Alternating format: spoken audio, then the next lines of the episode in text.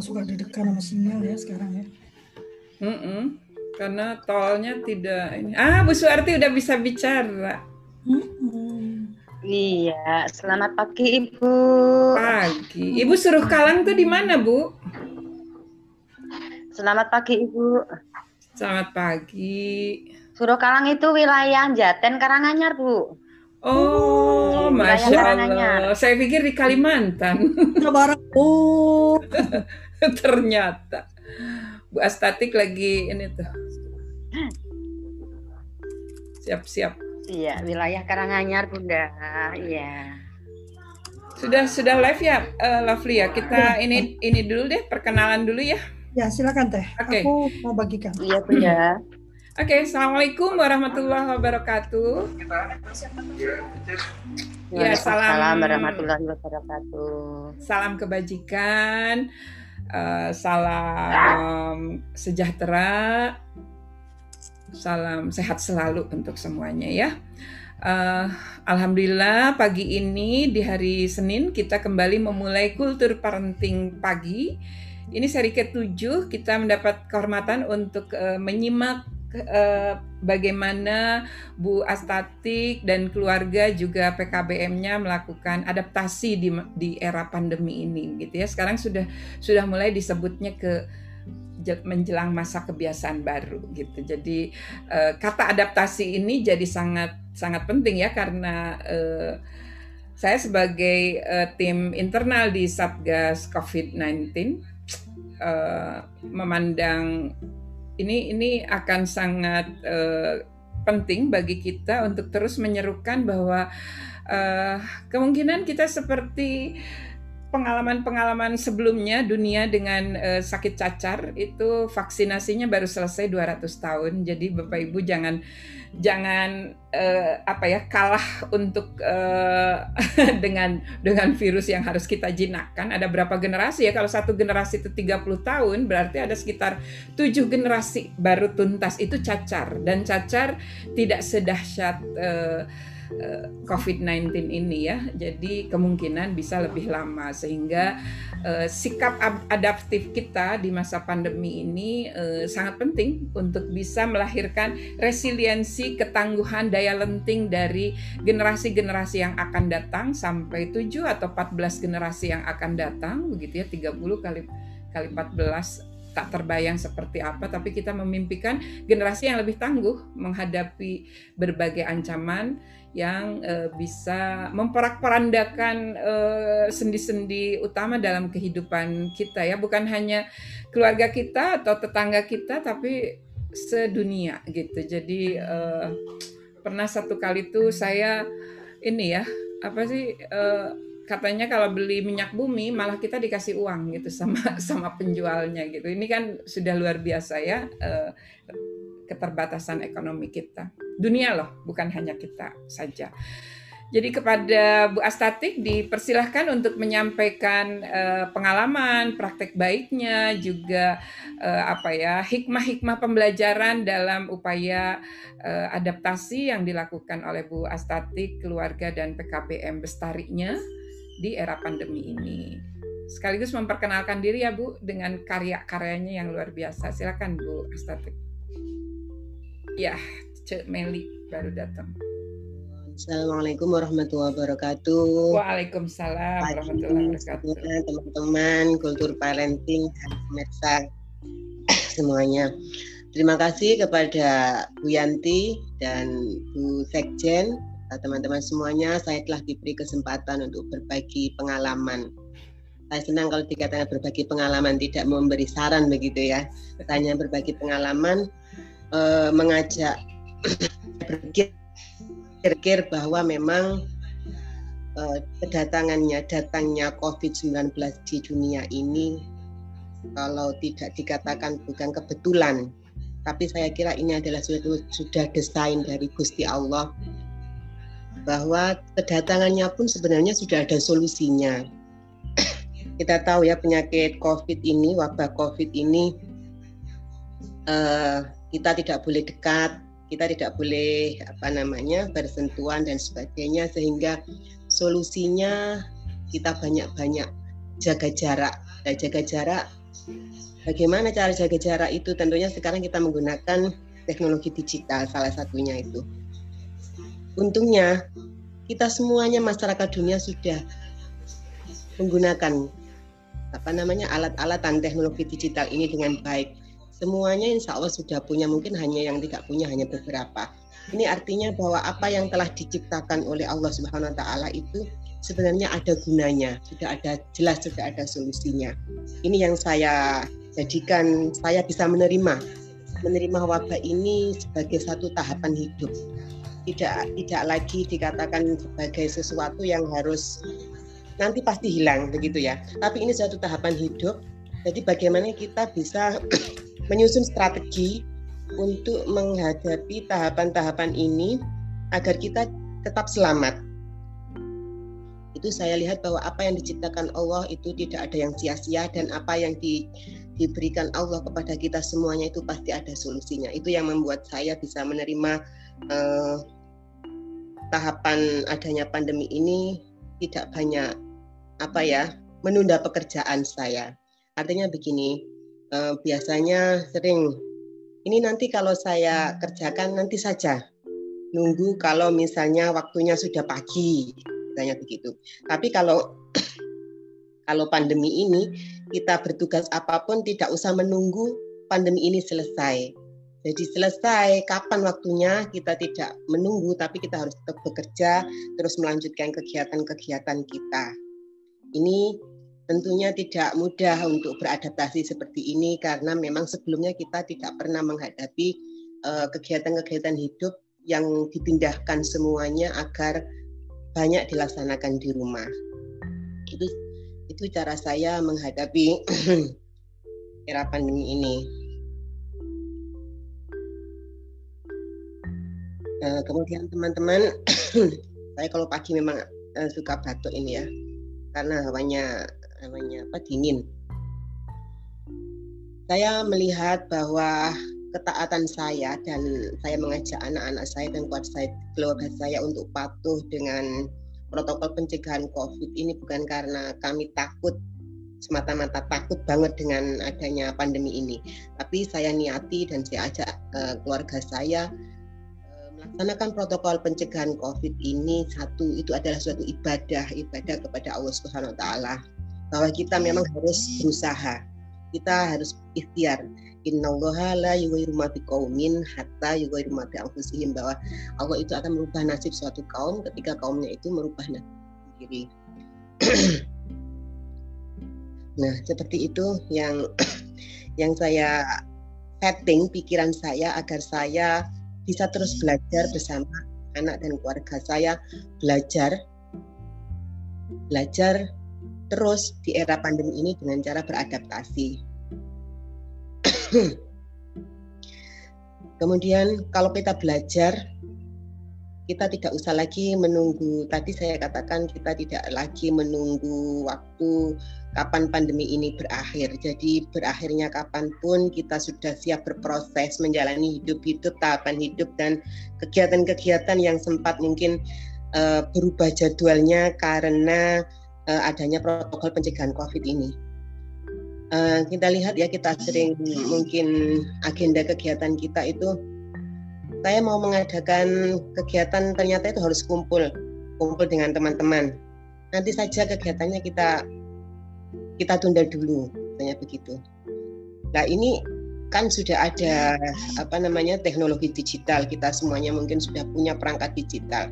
Saya kira tidak ada waktunya untuk menunggu. Jadi kita kita kita ajak untuk berkumpul di dunia maya di ruang maya mungkin seperti ini dengan zoom dan sebagainya ya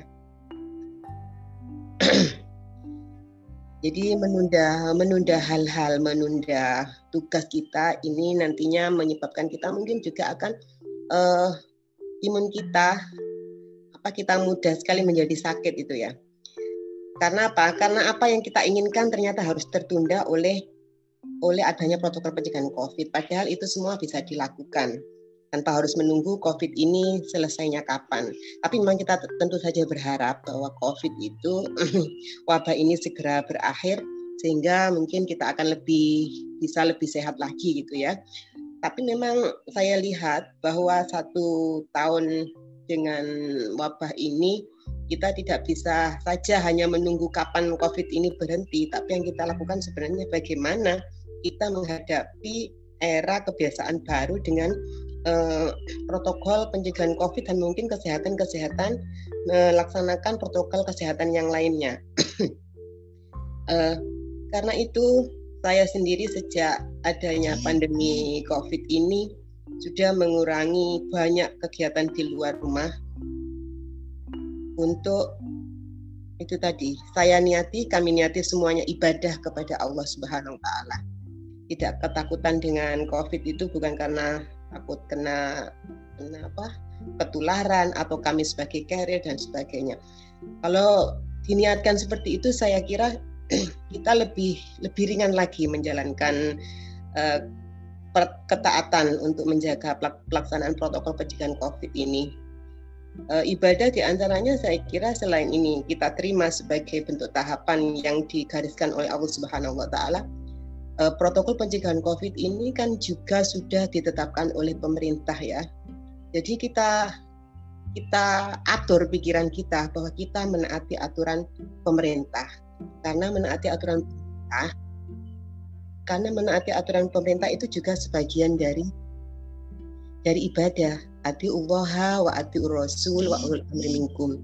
Taatlah kepada Allah kepada Rasul dan kepada uh, pemerintah kalian dan pemerintah kita saat ini adalah pemerintah yang sah dan pemerintah saat ini yang berjalan saat ini adalah pemerintah yang amanah yang patut kita kita ikuti semua aturannya tidak lagi mungkin kalau pemerintah itu berlaku zolim kepada warganya. Nah, kita harus berpikir untuk apa kita me menaati aturan.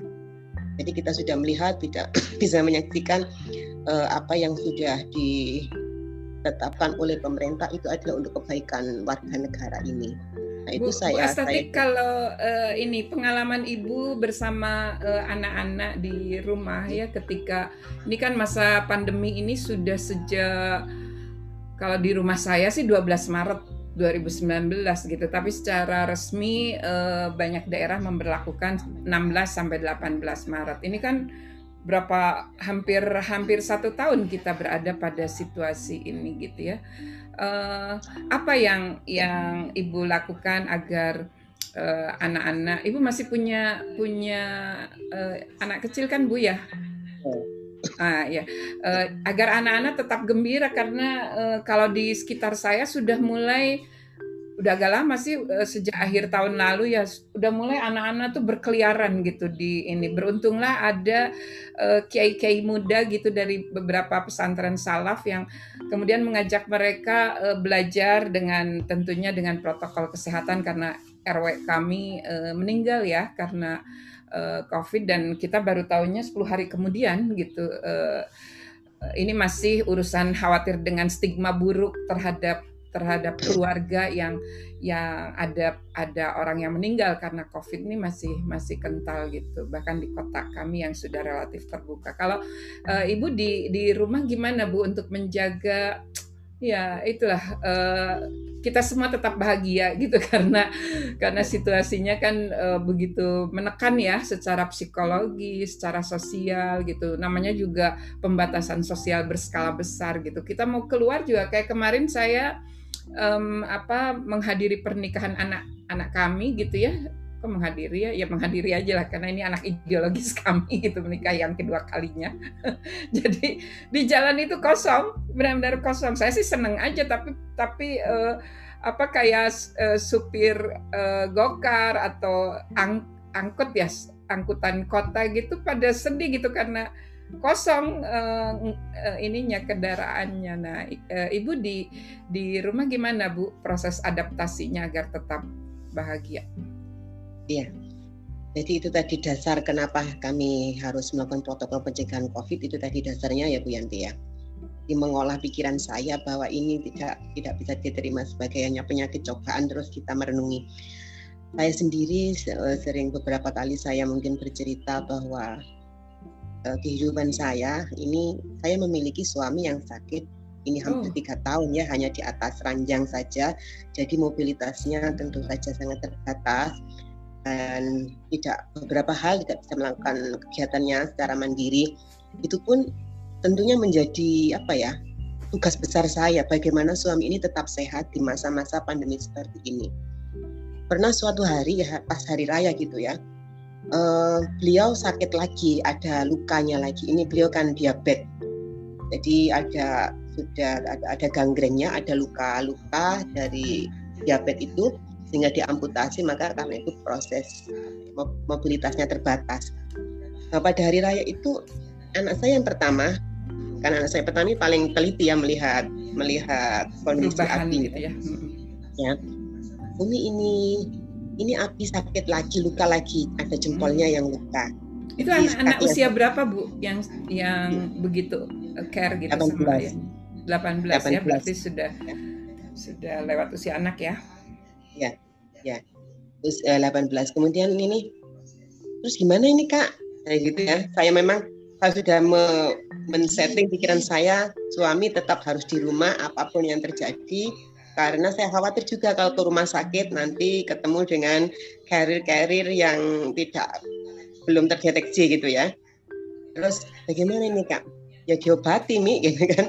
Iya ya diobati. Kemudian saya telepon kepada apa namanya bagian kesehatan di Rumah Sakit Mojowarno ya, Rumah Sakit Kristen Mojowarno minta tolong saya diberikan resep untuk mengobati luka suami saya. Saya, saya katakan kalau saya takut kalau nanti menghadirkan akses ke rumah, mungkin waktu itu kan memang bulan Protokol apa ya? ya. itu ya. Lagi Iya. tinggi-tingginya mungkin ya. Iya, kan baru-baru ada gitu ya. Jadi saya saya ngomong gini, Mas, saya minta tolong dibuatkan resep. Ini Pak Adib sakit, eh, ada lukanya sedikit. Saya nggak mau ya sampai datang ke rumah saya. Saya bilang gitu ya. Nanti mau malah nanti. OTG gitu ya. Ya. Oh ya Bu, saya sudah swab kok Bu, insya Allah aman. Eh, saya sudah swab. Saya yakin saya saya tidak ada masalah Bu. Oh baik baiklah. Kalau begitu minta tolong nanti satu kali saya saja datang untuk merawat.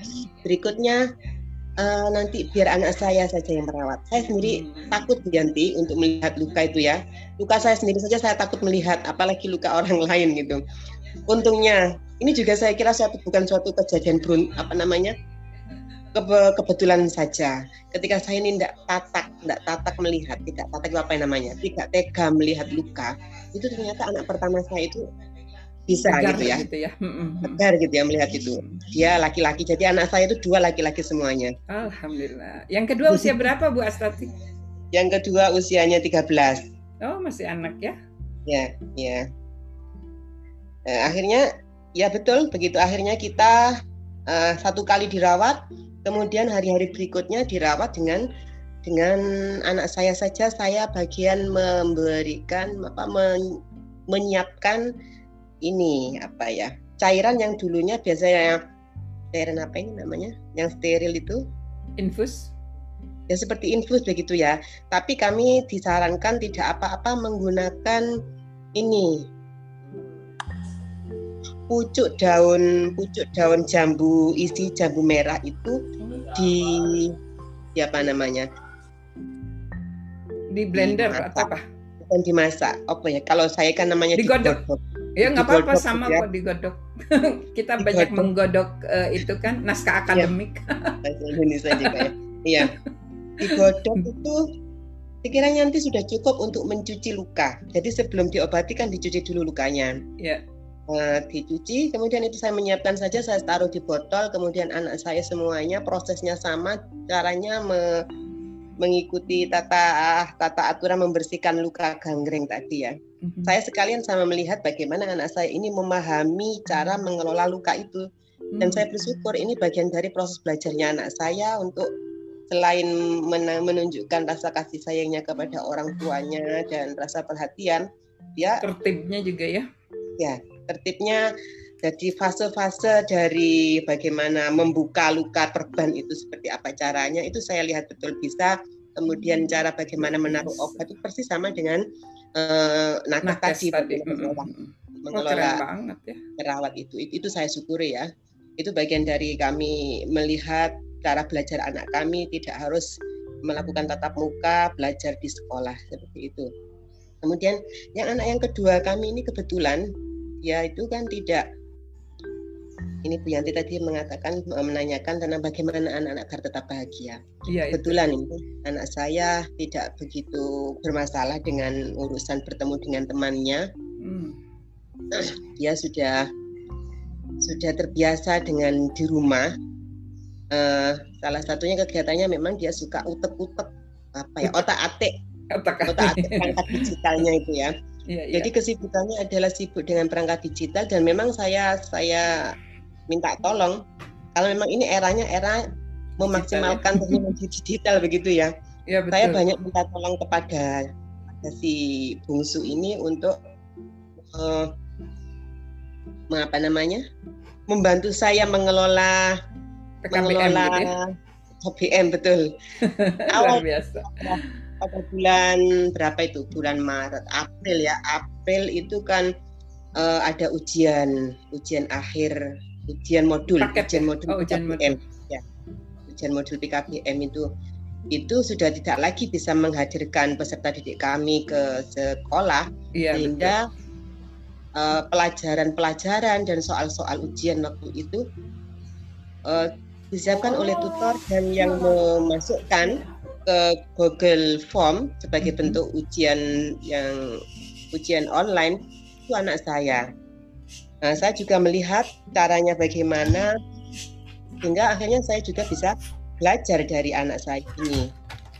Itu sampai hari ini sampai hari ini pun ternyata saya lihat bahwa meskipun kadang-kadang anak-anak kan juga merasa ini ini terpaksa begitu ya terpaksa kok kok jadi pekerjaannya Umi saya yang mengerjakan itu pernah juga kan Umi nggak bisa makanya saya minta tolong sama adik yang saya ngomong gitu selain saya minta tolong saya beberapa kali saya saya perlakukan anak saya ini sedang melakukan tugas sekolahnya dan sedang magang gitu ya Mm-mm. saya anggap anak saya ini sedang magang bekerja. Saya berharap memang, saya berharap bahwa anak-anak ini bisa mandiri sejak dini, tidak menjadi apa ya, menjadi bergantung kepada orang lain. Maka saya mulai dari anak saya sendiri ini di masa seperti ini ada kesempatan bagi saya anak saya bisa bekerja. Artinya bekerja untuk PKBM.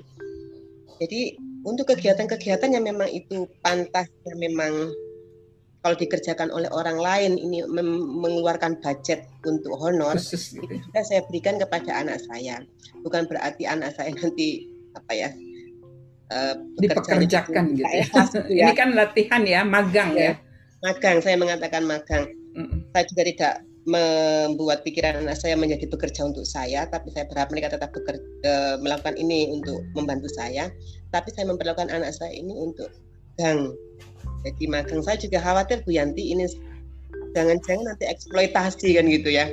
Tapi saya lihat saya lihat ketika dia nyaman mengerjakannya dan selalu berhasil dan kemudian mau lagi mengerjakan dan tidak ada hal yang terganggu di kegiatan lainnya saya saya berharap ini bukan suatu bentuk eksploitasi untuk mengajak anak saya bekerja Di, itu. diajak diajak bicara nggak Bu untuk eh, memutuskan misalnya oh ini ada beberapa pekerjaan ini Ade misalnya dipanggilannya Ade. Siapa namanya put- putranya Bu yang masih 13 tahun? ya Maulana Jangka Dausat panggilannya Jangka Ah, eh, Mas Jangka misalnya eh, tertarik yang mana gitu terus eh, eh, kira-kira eh, ini ini untuk eh, belajar apa gitu ya apa yang dicapai dengan magang magang ini. Jadi dia tahu tujuan tujuan pembelajarannya. Karena usia anak kan memang usia usia belajar ya. Kalaupun dia magang itu proses dia belajar untuk mempraktekkan eh, apa yang dia dia pelajari tapi ditarik lagi ke pembelajaran. Apakah ini tuh bisa mencapai eh, enam kompetensi yang menjadi eh, tujuan di dalam eh, berpendidikan ya? Mulai dari spiritualitas keagamaannya pengendalian dirinya. Karena bekerja kalau tidak terkendali dirinya ya apalagi di depan ini ya digital kan kemungkinan untuk ngeklik yang lain ini gitu. Itu tuh tinggi. Kalau tanpa kesepakatan kan jadinya instruksi gitu. Kalau instruksi itu dipekerjakan dan itu yang nggak boleh. Itu bisa bisa untuk usia eh, anak itu benar-benar dibatasi ya Bu. Kalau kalau dipekerjakan benar-benar bekerja dan mendapat upah itu baru boleh usia 15 sampai 18 tahun. Itu pun sehari tidak boleh lebih dari tiga jam dan eh, tidak boleh pekerjaan terburuk eh, bagi anak ya apa pun eh, itu yang yang merendahkan martabat anak. Nah di bawah usia itu karena ada jangka baru 13 tahun uh, pertama dari sisi uh, uh, ini apa itu tuh parent concern ya untuk untuk mengizinkan dia uh, hadir hadir di media sosial misalnya itu uh, harus uh, ibu tanda tangani atas kesepakatan dengan anak yang kedua uh, ininya apa um, namanya tuh rasa rasa partisipasinya, rasa dilibatkan dari perencanaan. Jadi bukan tiba-tiba karena kita orang tua uh, kesulitan untuk mengerjakan ini terus ayo dong bantu bantu bantu gitu. Uh, uh, tidak tidak seperti itu mungkin ya. Gimana bu pengalaman ibu dalam uh, menyiapkan agar uh, empat prinsip hak anak ha, di dalam masa pandemi ini bisa ibu terapkan di dalam uh, uh, kegiatan adaptasi di era pandemi? Pertama masalah uh, non diskriminasi tidak dibeda-bedakan ya karena kakaknya juga kan kan tadi ibu melihat uh, betapa terpujinya kakaknya gitu kan nggak boleh dibanding-bandingkan dengan adik. Terus yang kedua uh, kepentingan terbaik anak. Apakah yang yang dipelajari sampai adik magang gitu katakanlah di di lembaga yang kita dirikan didirikan orang tua itu dia tahu tujuan pembelajarannya atau kita saja yang memang membutuhkan itu gitu ya. Terus yang ketiga hak hidup, kelangsungan hidup dan tumbuh kembangnya. Misalnya karena dia di digital berarti kan menghadapi layar kaca gitu ya. Nah, itu kan ada uh, batasan untuk usia 13 tahun berapa menit atau secara umum lah anggap yang magang itu sama 20 20 20 20 menit melihat 20 detik uh, memalingkan wajah ke tempat yang lebih jauh gitu 20 uh, se, se, sejauh 20 meteran gitu. Terus yang uh, keempat partisipasinya. Nah ini yang sering kalau di keluarga tuh apa ya beranggapan orang tua tuh ah pasti anak seneng gitu. Padahal belum tentu gitu. Anak mungkin lebih seneng kalau dia dikasih kesempatan. Saya ingin bikin websitenya misalnya atau saya ingin buka uh, page di di Facebook untuk PKBM yang uh, bunda bunda dirikan misalnya gitu. Ya. Jadi empat empat prinsip itu bagaimana di, uh, ibu beradaptasi di era pandemi bersama karena kebetulan anaknya dua yang satu 18 tahun berarti baru saja mau mau masuk ke dewasa muda yang 13 tahun baru saja mau lepas dari orang tua. Jadi kalau kalau usia 13 tahun pas itu bisa membuat izin sendiri gitu. Izin sendiri untuk uh, berada di media sosial tapi atas pengetahuan orang tua. Gitu Bu, silahkan Bu. Ya, jadi anak saya ini sebelum kesibukannya untuk membantu saya itu sejak awal sudah memang ada komitmen untuk bahwa uh, gawainya itu dimanfaatkan untuk kebaikan dirinya. Hmm. Uh, saya juga sudah sudah sejak awal sudah ada komitmen bahwa apa pun yang dilakukan dalam dalam mengoperasikan gawainya ini jangan lupakan untuk mengaji mengaji bagi mengaji Al-Quran maupun mengaji pendidikan agamanya. Karena untuk pendidikan umum saya kira sudah didapatkan dari dari apa namanya mengoperasikan gawe tersebut ya. Jadi dalam pengaplikasiannya ini saya saya berikan adik saya punya usulan begini ya. Nah, setiap setiap habis sholat mengaji jadi selama pandemi itu setiap habis sholat mengaji. Ini tidak saya larang uh, dia tidak menggunakan HP, tapi dengan cara saya memberikan, memberikan kegiatan, cara nggak langsung dia akan mengurangi untuk uh, ber, berinteraksi dengan gawainya tersebut ya. Jadi kemudian saya lihat ketika memang apa yang dilakukan untuk untuk lembaga saya itu memang kalau memang berat itu saya tidak tidak apa namanya tidak begitu meminta lebih tegas lagi. Saya sendiri juga melihat itu tadi jangan sampai apa yang saya lakukan kepada anak saya ini sebagai suami eksploitasi begitu ya. Ya, Saking bangganya anak pastilah saya hati-hati ya Bu ya ya. saya andalkan semuanya. Jadi tidak tidak saya larang langsung tapi saya berikan kegiatan-kegiatan yang nantinya itu menyebabkan dia agak jauh dari dari apa Gawe namanya gitu ya. Hmm. itu. Selain saya ini membantu saya untuk urusan kegiatan KPM, itu kan juga membantu saya eh, untuk membantu abinya yang tidak bisa melaksanakan ya? Kegiatan itu ya. Hmm. kegiatannya secara mandiri tadi mungkin ada minta minum, minta eh, menyiapkan misalnya alat alat untuk eh, PAK begitu. Itu baik kadang sering anak saya yang melakukan Oh. dan sesibuk apa pun ketika saya mungkin pas saya istirahat atau mungkin saya sendiri sedang bekerja bekerja dari rumah itu anak saya sudah peka dengan apa namanya kebutuhan abinya Hmm. ya alhamdulillah saya kira ini saya saya kira suatu apa ya karunia Karena di rumah saja ya, jadi eh, benar-benar melihat apa yang dibutuhkan dan dia Ya. secara proaktif eh, menawarkan diri bahkan melakukannya gitu dengan apa Ya. setulus hati ya. ya, Wah luar biasa. Ini ini pembelajaran eh, kepribadian, menumbuhkan kepribadian yang benar-benar peduli eh, pada eh, orang tua dengan penuh rasa hormat ya Bu ya. Terus eh, memperlakukan dengan kasih sayang karena namanya juga apa eh, sedang di- diuji ya dengan sakit dan berada di tempat tidur sudah tiga tahun ya Bu ya. Eh, Iya. Tidak ada luka baring kan Bu di di ininya selalu dibalik-balik gitu ya, selalu Iya. ini ya. Karena itu yang bisa kalau nah, Oke, Hidup apalagi diabetes kan. Ya.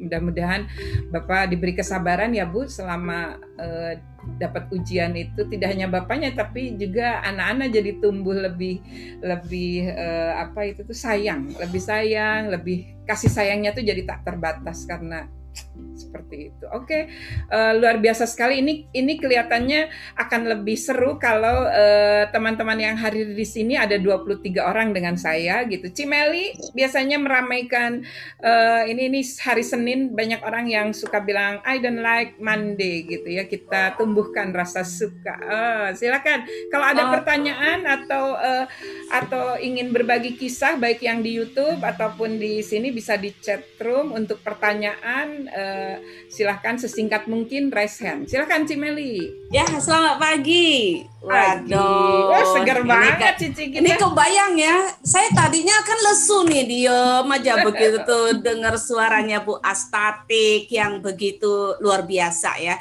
Tadinya saya eh, dari kemarin malam, kemarin malam kan badannya kayaknya udah nggak enak gitu ya. Heran ya sekarang kita tuh kalau badan nggak enak langsung kita kayaknya dibawa Parno itu gitu. bicara tentang covid covid Iya, covid betul. gitu ya. Aduh rasanya apa aja digigit nyamuk aja nyambung bisa ke covid Jadi lucu gitu ya. Jadi terima kasih banyak Bu Astatik. Eh, jadi sebenarnya inilah yang kita butuhkan ya. Artinya kita saling menyemangati gitu ya sebagai eh, seorang perempuan, seorang bapak, seorang ibu gitu. Di sini syaratnya kita saling menguatkan. Jadi apa yang tadi saya dengar dari Bu Astati, jujur saya tuh terkagum-kagum ya dengan seorang ibu yang eh, bisa mempositioningnya eh, antara antara pekerjaan, antara mengurus eh, Suami suami, yang yang sakit. yang sakit gitu ya. Biasa. Terus bagaimana menumbuhkan menumbuhkan eh, kepekaan dari anak-anak itu Hmm. kan eh, itu yang justru di, di di di apa ya di mindsetnya tuh diubah gitu ya diubah bahwa ya mungkin mungkin kalau kalau nggak ada covid ini kita mungkin nggak bisa lakukan itu di dalam Betul. rumah gitu ya selama ini kan masing-masing ya. terpencar segala gitu jadi saya satu kata yang saya saya uh, apa ya sangat saya appreciate banget. Saya kagum sekali sama Bu Astati bahwa uh, Bu Astati itu bisa melihat bahwa COVID ini bukan sebuah musibah gitu ya tapi justru ini ada suatu suatu planning yang begitu besar gitu ya. Nah tentu dengan imannya masing-masing gitu ya uh, saya belajar banyak dari Bu Astati. Thank you, terima kasih banyak Bu Astati. Saya yakin banget di sini eh, banyak yang yang juga belajar gitu ya. Eh, boleh disampaikan nih gitu apa yang kita eh, ingin ingin perkuat nih. Sekarang betul-betul nih lini-lini di dalam keluarga itu yang paling penting sekali gitu. Saya juga juga dalam situasi gini ya tadi bilang uh, Bu Yanti bicara tentang stigma ya Bu Yanti ya. Iya, Itu betul. betul-betul banget ya. Saya barusan ngomong ngomong sakit gitu aja langsung loh hati-hati hati-hati semua teman-teman jadi Ki- udah Kitanya parno ya. iya. Kitanya parno, Jadi yang lain saya nggak apa-apa. Saya makanya saya tulis di status saya, saya lagi sakit gitu. Wah semua pada nanya tuh, wah ada yang kirimin makanan, syukur alhamdulillah gitu kan gitu. Jadi kita nganggap bahwa ini sebagai sesuatu yang positif aja gitu ya. Kalaupun harus dilewatin, eh, kebetulan anak saya yang eh, dokter ya. Saya saya juga ngerasain Bu Astati ada satu hal yang betul-betul kemarin tuh bikin saya nangis benar-benar gitu. Anak saya kebetulan dia harus pergi ke puskesmas. Puskesmas, terus eh, sebelumnya tuh dia belum divaksin. Dia belum divaksin karena ada nama dia ketuker, ketuker. Jujur saya tuh khawatir sekali. Dan anak saya ngomong kayak gini, Ma, hidup saya tidak bisa selamanya sama mama. Hmm, luar biasa. hidup saya akan hidup saya sah. Ya maksudnya hidup saya tidak akan mudah. Hmm. hidup saya tidak akan mudah.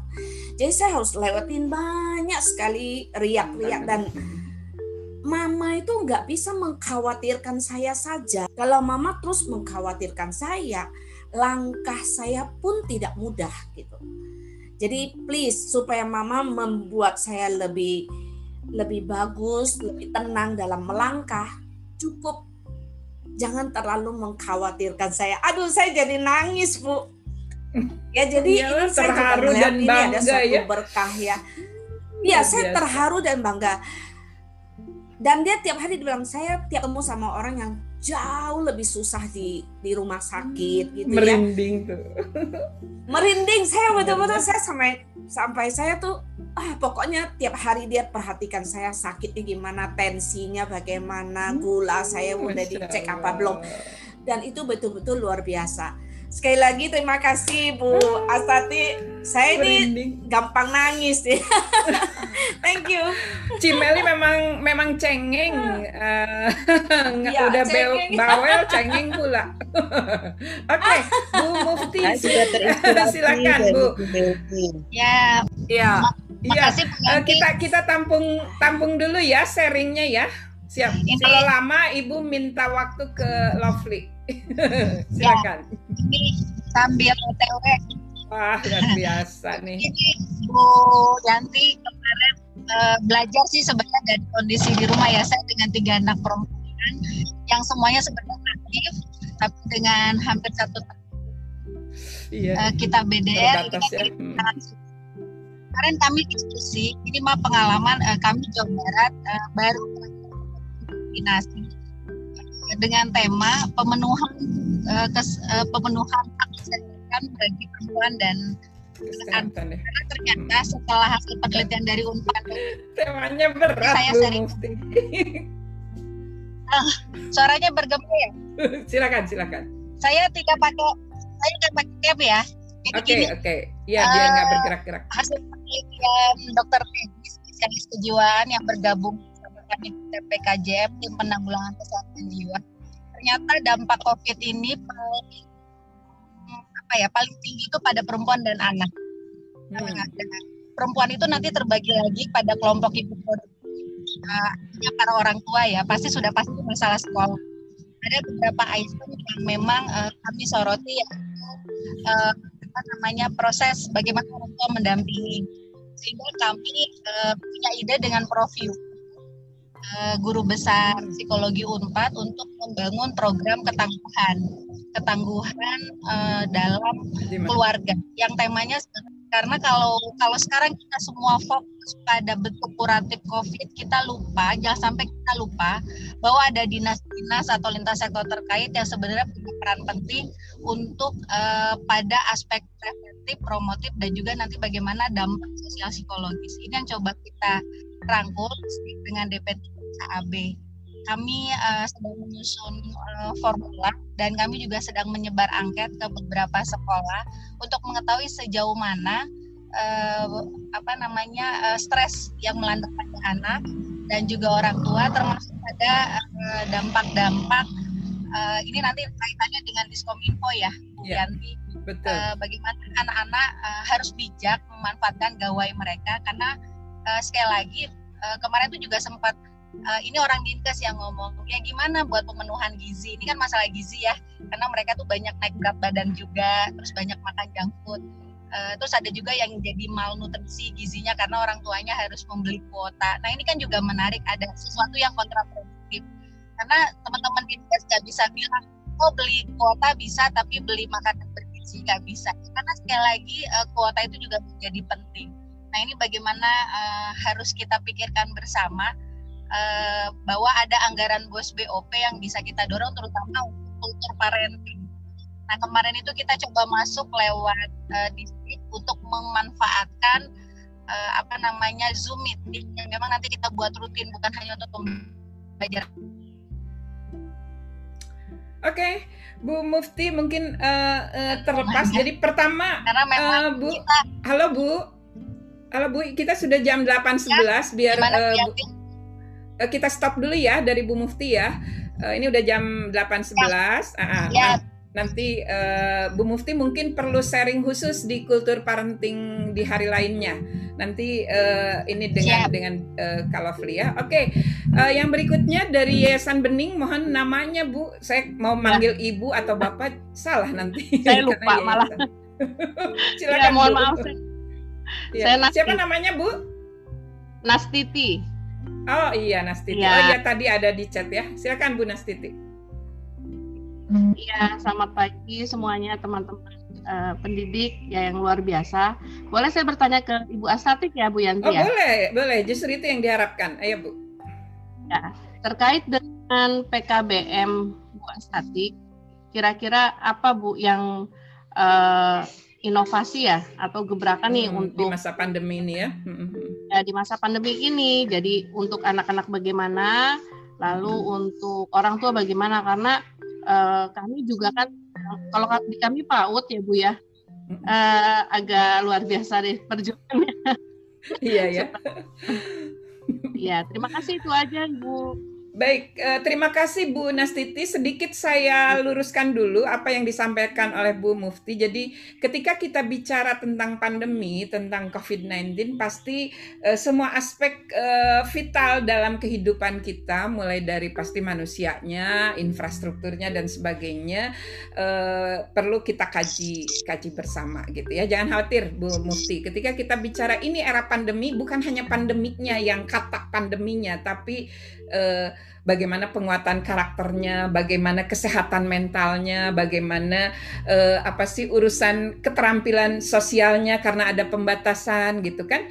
Terus bagaimana secara finansial juga kita eh, perlu dukungan tadi kan, mana yang jadi prioritas dan di mana negara hadir untuk bisa membantu ketika orang tua lebih memprioritaskan kuota terus lupa dengan gizi anak misalnya gitu ya. Terus eh, yang lainnya termasuk eh, tadi yang Bu Astati bilang terkait dengan eh, ibadahnya gitu ya kepada yang maha kuasa, eh, ritual-ritual lainnya yang dilakukan setiap setiap hari. Bahkan kalau untuk umat mus- umat Islam misalnya lima kali sehari bukan hanya mengajinya gitu, tapi bagaimana menerapkan apa yang di, dibaca itu dalam eh, keseharian. Untuk yang kedua dari eh, Bu Nastiti, saya kira ini ini sangat penting ya karena eh, Bu Astati punya praktek baik yang luar biasa di PKBM eh, Bestarinya. Silakan eh, Bu Astati dijawab. Kita eh, coba tepat waktu ya Cimeli dan Kak Lovely nanti jam 8.30 kita hentikan karena kita pindah ke IG live-nya Kak Lov- eh Kak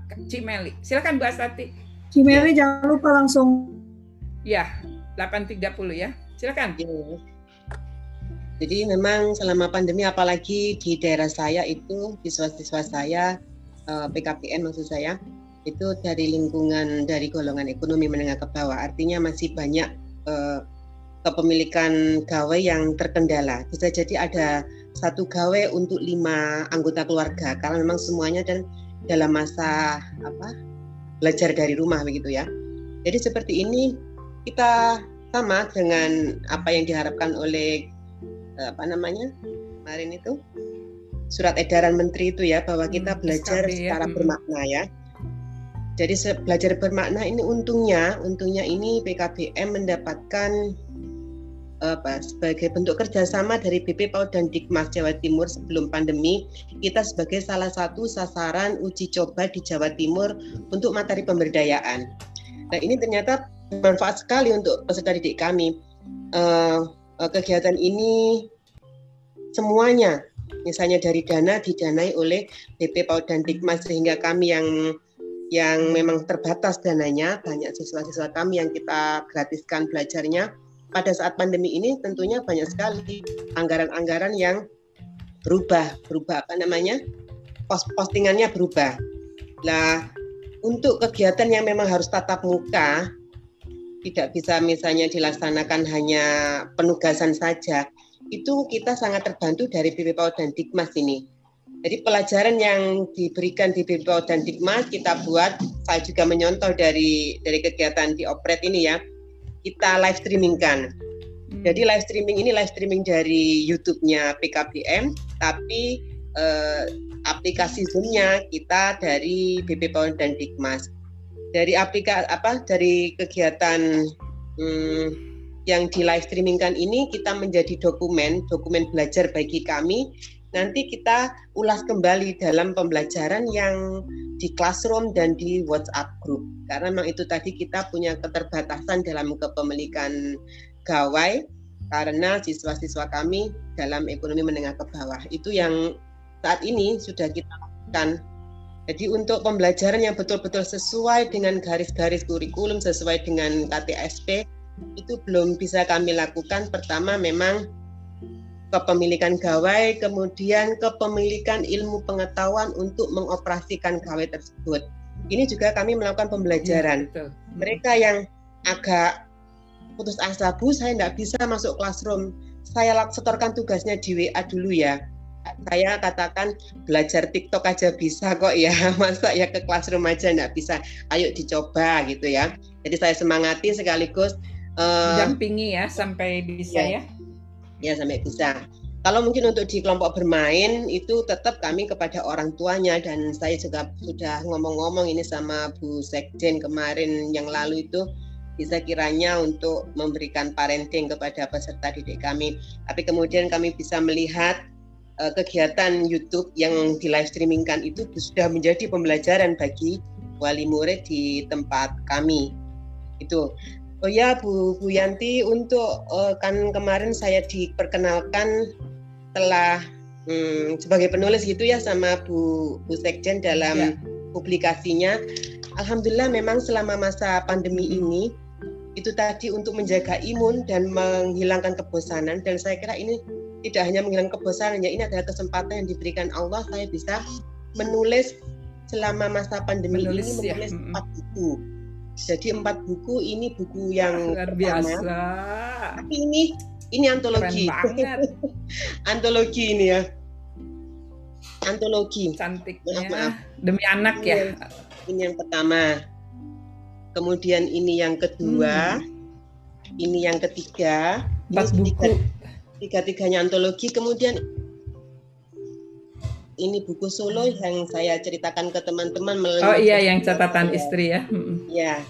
Jadi selama pandemi hampir satu tahun ini saya ada satu lagi juga antologi berproses untuk dicetak bersama teman-teman juga. Jadi ada lima buku selama satu tahun pandemi.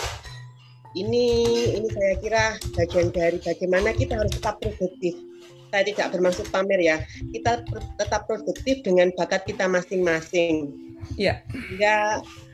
Uh, apa produktivitas ini bukan hanya untuk kepentingan kita, tapi kepentingan kebermanfaat untuk orang banyak. Begitu juga saya kira dengan lingkungan anak-anak eh, keluarga saya, anak-anak juga anak-anak juga berproses sehingga uh, kegiatannya di rumah itu produktif. Saya lihat memang ya dari wawasan-wawasan yang dia dapat itu dia tidak hanya melihat apa ya? Aktivitasnya itu aktivitas yang monoton. Ini saya lihat kemarin saya diinfokan tentang bagaimana Amazon yang tidak suka dengan PowerPoint. Itu kenapa? Diceritakan saya kepada anak saya. Ini saya kira oh berarti anak saya dari kegiatan uh, mengoperasikan gawainya baik untuk belajar maupun membantu saya atau mungkin uh, sekedar bermain itu ada proses-proses belajar di sana tahu informasi sehingga ini bagian dari kebutuhannya nanti sebagai generasi milenial yang tidak apa namanya yang tidak bisa lepas dengan perkembangan teknologi ini. Ini saya lihat wawasannya anak saya juga juga saya tidak perlu khawatir ya. Saya tidak perlu khawatir dan saya kira saya sebagai orang tua terus menanamkan pikiran tidak curiga dengan dengan yang dikerjakan anak saya dan saya lihat dari perilakunya, dari apa yang dibicarakan, eh, dari muatan muatan apa yang dibicarakan itu sangat untuk anak saya yang sulung. Kalau anak saya yang sulung itu kan memang lebih banyak kegiatannya di pondok ya, pondok dari uh, kakeknya gitu ya, dan dekat dengan tempat tinggal saya sehingga saya hanya melihat ketika perilakunya baik berarti ini perkembangannya juga perkembangan ilmu pengetahuannya juga baik dan perkembangan ibadahnya juga baik itu saya lihat dari situ karena oke okay, bu okay. ya Oke Bu, Bu Astatik ini ada satu lagi penanya. Waktu kita masih 9 menit. Uh, nanti Ibu perkuat di jawaban uh, pertanyaan ini. Saya masih masih belum tahu ini laki-laki atau perempuan ya. Pokoknya dari PKBM suka. Jadi silahkan Pak, Bu uh, memperkenalkan Bapak. diri dulu. Terima kasih Bu Astatik. Monggo, monggo. Silakan Bu. Kan? Ya. PKBM suka Bu eh suka jadi ya. Halo? Pergi kayaknya. Kayaknya beliaunya lagi keluar ruangan tuh kosong tiba-tiba. Oh ini nih udah balik, udah balik. Oh masih. Oh ya, oke. Okay. Silakan. Silakan PKBM Sukajadi, kita masih punya waktu 8 menit. Selamat bergabung Bu Fadilah dari Direktorat PM, PMPK. Saya masih belum terbiasa pendidikan masyarakat dan pendidikan khusus.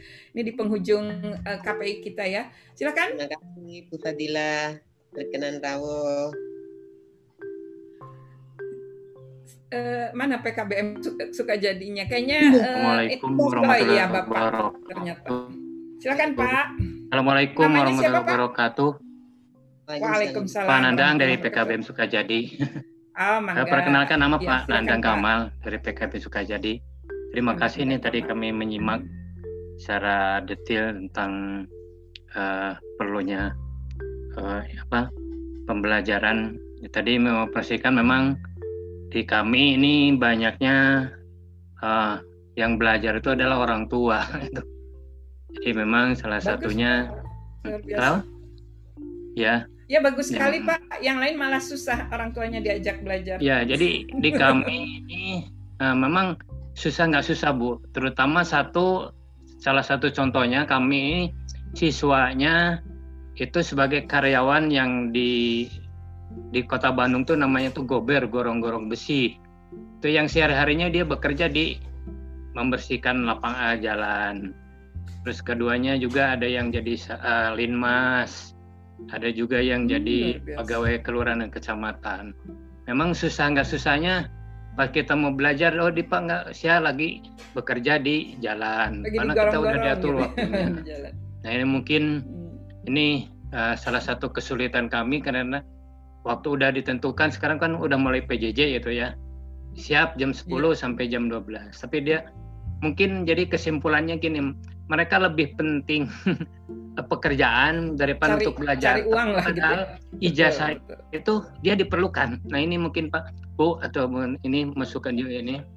Kita ini ah, uh, iya, di PKBM tuh uniknya gitu ya gitu mungkin secara garis besarnya Bu. Makasih Bu Oke, ya ini memang uh, pembelajaran orang dewasa ya Pak. Pasti uh, apa ya tuntutan untuk kebutuhan hidupnya itu lebih diprioritaskan. Tinggal bagaimana kita menyiasati uh, waktunya gitu kan. Sekarang ada apa itu yang uh, setara? Ah, saya lupa uh, nama ininya nanti Lovely mungkin yang lebih ingat ya. Yeah. Silakan Bu Astati. Di ini kita punya waktu lima menit, tiga menit untuk Bu eh dua menit untuk Bu Astati, nanti Cimeli satu menit, uh, saya sedikit, terus eh enggak deng, sisanya Lovely untuk menutup. Silakan Bu Astati dua menit. Iya ya Bu Pak dari PKBM Sukajadi tadi sama dengan di kegiatan saya di kegiatan PKBM Bestari ada siswanya beraneka ragam usianya ya dan itu tugas kita tugas kita sebagai lembaga pendidikan bagaimana uh, mereka bisa terbentuk pribadi yang tetap senang belajar bahwa belajar itu tidak bisa lepas dari kehidupannya, baik itu belajar ilmu pengetahuan maupun belajar moral dan sebagainya. Itu yang kita kita sampaikan kepada siswa kami dan tidak harus disampaikan dalam bentuk jadwal. Jadi komunikasi lewat WhatsApp itu menjadi bagian pembelajaran bagi hmm, siswa kami, meskipun nanti itu uh, ada lagi dalam bentuk Google Classroom. Oh ya untuk setara daring juga sudah kita siapkan ke sana setara daring kita siapkan ke sana itu pun nanti dipilih siapa yang siap setara daring dan siapa yang siap ke reguler. Jadi sama Pak. Jadi tanggung jawab kita sebagai apa namanya pengemban amanah pendidikan ini tetap bagaimana mendorong masyarakat baik itu memang yang terdaftar sebagai pen, peserta didik di lembaga pendidikan maupun di tidak sedang sekolah menga, e, membuat bagaimana membangun image bahwa pendidikan itu juga bagian dari kebutuhan kita. Sehingga nanti kalau misalnya orang-orang tua ini bisa memahami bahwa pendidikan itu penting, saya kira ini juga nanti mempengaruhi pola pikirnya bagaimana mendidik anak-anaknya uh, di keluarga.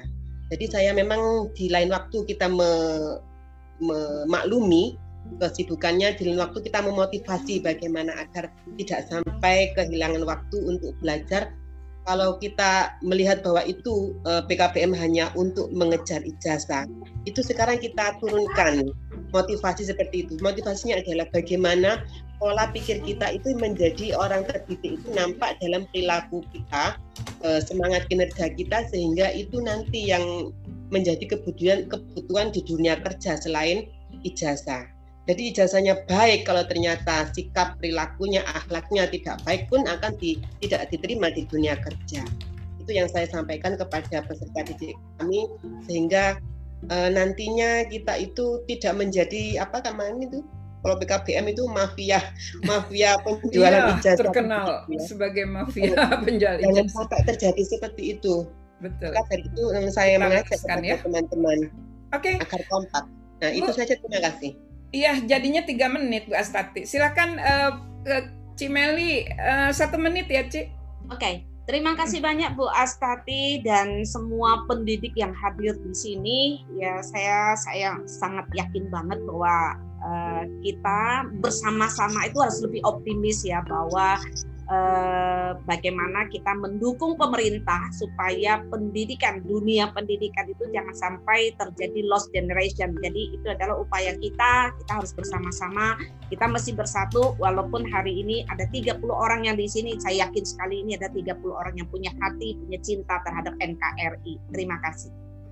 Oke, okay, lovely. Ini sudah waktunya untuk menutup. Hmm, silahkan uh, ditutup dua menit dengan penguatan-penguatan prinsipnya dan uh, bagaimana penyebaran quote-nya yang luar biasa hari ini. Silakan, Kakak ya. Lovely. Memang tugas saya cuma nutup. Eh, sama buka kok. yang yang enggak ya. Ya uh, satu yang uh, garis besar yang bisa saya baca dari semua diskusi dari cerita Cik Mel. Suaranya hilang? Ya kok tiba-tiba hilang? Ini kelihatannya internetnya. Dalam kita menjadi keluarga yang tahan. Tadi terputus sedikit. Tadi terputus ulang lagi. Ulang oh. lagi unstable. Oke, okay. Iya. yeah. uh, tadi yang mau saya sampaikan bahwa uh, dari semua uh, apa kisah yang dibagikan Cipeli dengan uh, kisah haru birunya ya uh, luar biasa anak sulung itu ya. Ah keren banget. Lalu Bu Astati ya. Banyak. Saya salah saya, saya tulisnya tiga putra padahal dua putra dua putra. mau disuruh nambah uh, kelihatannya? ya, amin. Adalah uh, apa ya iya loh doa baik itu diaminkan. Uh, adalah hubungan erat di dalam keluarga ya uh, yang sudah dilakukan jauh sebelum pandemi. Dan masa pandemi ini mengingatkan kita gitu ya mengingatkan kita betapa pentingnya menjalin hubungan hubungan yang harmonis di dalam keluarga, baik suami istri maupun dengan anak-anak. Kata-kata Pameo mengatakan rumahku surgaku, wah, ini di masa pandemi benar-benar uh, terwujud gitu. Apakah rumah kita di surga kita ataukah neraka gitu kan? Dan kalau masih dirasa sebagai neraka, maka ini masanya untuk mengubah rumah kita menjadi surga tumbuh dengan bahagia, dengan sukacita walaupun di masa yang sulit. Dulu waktu saya pertama kali jatuh miskin, pertama kali jatuh miskin, jadi berkali-kali jatuh miskinnya ya. Eh, saya sempat lalu uh, stres ya uh, dan mempengaruhi emah saya. Saya menemui dokter, dokter berkata sebetulnya anak itu tidak paham berapa pendapatan ibu dia tidak paham dia tidak paham ibu kerja atau tidak, dia tidak paham. Yang dia pahami adalah ibu terhadap situasi yang terjadi. Jadi kalau ibu mencemaskan anak, itu sebetulnya yang ibu perlu lakukan cuma menenangkan diri. Dia bilang, karena anak itu memandang respon ibu hari ke hari Nah, dari respon ibu dia menjadi nah inilah masa di mana kita sebagai keluarga sebagai suami istri yang punya suami yang nggak punya suami ya ibu sebagai bapak kembali menguatkan diri kita kembali kepada kepasrahan kita kepada Tuhan lalu uh, membuat respon yang tepat atas situasi yang sedang kita alami. Saya senang sekali bahwa tadi mengatakan tidak mengejar akademik karena saat ini yang lebih dipentingkan adalah kewarasan dan kesehatan. Ya, kesehatan saja tidak cukup karena sehat saja tidak waras maka kita akan keluar sebagai generasi yang hilang. Tanpa akademik pun kita masih bisa menjadi generasi yang luar biasa. Karena apa? Anak-anak yang keluar dari masa pandemi ini, keluarga yang keluar dari masa pandemi ini menjadi keluarga yang kuat, yang kuat mentalnya, yang kuat keterikatan satu sama lainnya. Maka urusan akademik itu bisa dikejar dengan sangat mudah.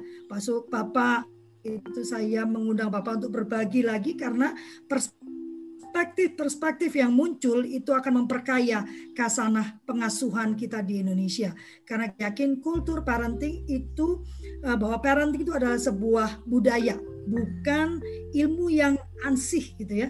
Sehingga kami menyediakan berbagai pilihan pendekatan agar keluarga bisa memilih mana yang pas dengan uh, visi misinya. Kita lanjut ke IGTV Menata Keluarga, kita diskusi lagi tiga di sana dengan kami bertiga. Kak Meli baru terbakar ini. Karena Kak Meli biasanya gini mungkin karena kemarin gaspol. Hari ini tak bilang, ayo Kak Meli gaspol. Sebentar, Lovely, sebentar. Ah, mungkin nanti di IG Live dia lebih gaspol lagi. Sampai ketemu lagi di hari Rabu. Uh, Ibu, uh, tadi siapa Bu? Bu Mufti ya? Siapa? Siapa? Yang dari Jawa Barat tadi? Muftiah. Ibu Muftiah, saya mengundang Ibu untuk terus hadir di acara ini atau juga bahkan berbagi ya. Saya mengundang Ibu untuk men-sharekan gitu kan. Jadi uh, mari kita bekerja sama, mari kita bergandengan tangan gitu ya. Uh, tidak perlu semua orang membuat hal yang sama nanti malah gitu kan. Tapi mari kita bergandengan tangan memberikan apa yang terbaik bagi bangsa kita saat ini. Terima kasih ya, atas ya. nama personal atas nama kami bertiga. Saya memohon maaf yang sebesar-besarnya apabila ada ada dan uh, per, kurang berkenan, kami hanya membagikan apa yang menjadi keyakinan kami dan apa yang kami praktikkan di dalam hidup kami sehari-hari. Sampai bertemu lagi di hari Selasa, uh, Rabu dan Jumat, kami punya podcast ya yang akan meluncur hari ini. Kami punya Telegram group. Jadi kami mau Indonesia dengan ilmu-ilmu parenting agar anak-anak kita menjadi anak-anak yang lebih baik. Yuk saling bersalaman. Sampai ketemu lagi. Terima kasih. Foto dulu foto.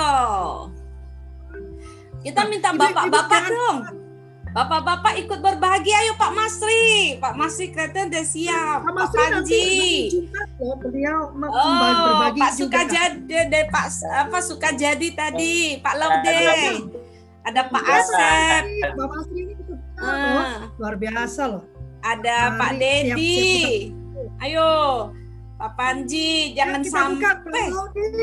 Ya foto-foto buka dulu. Pak Panji.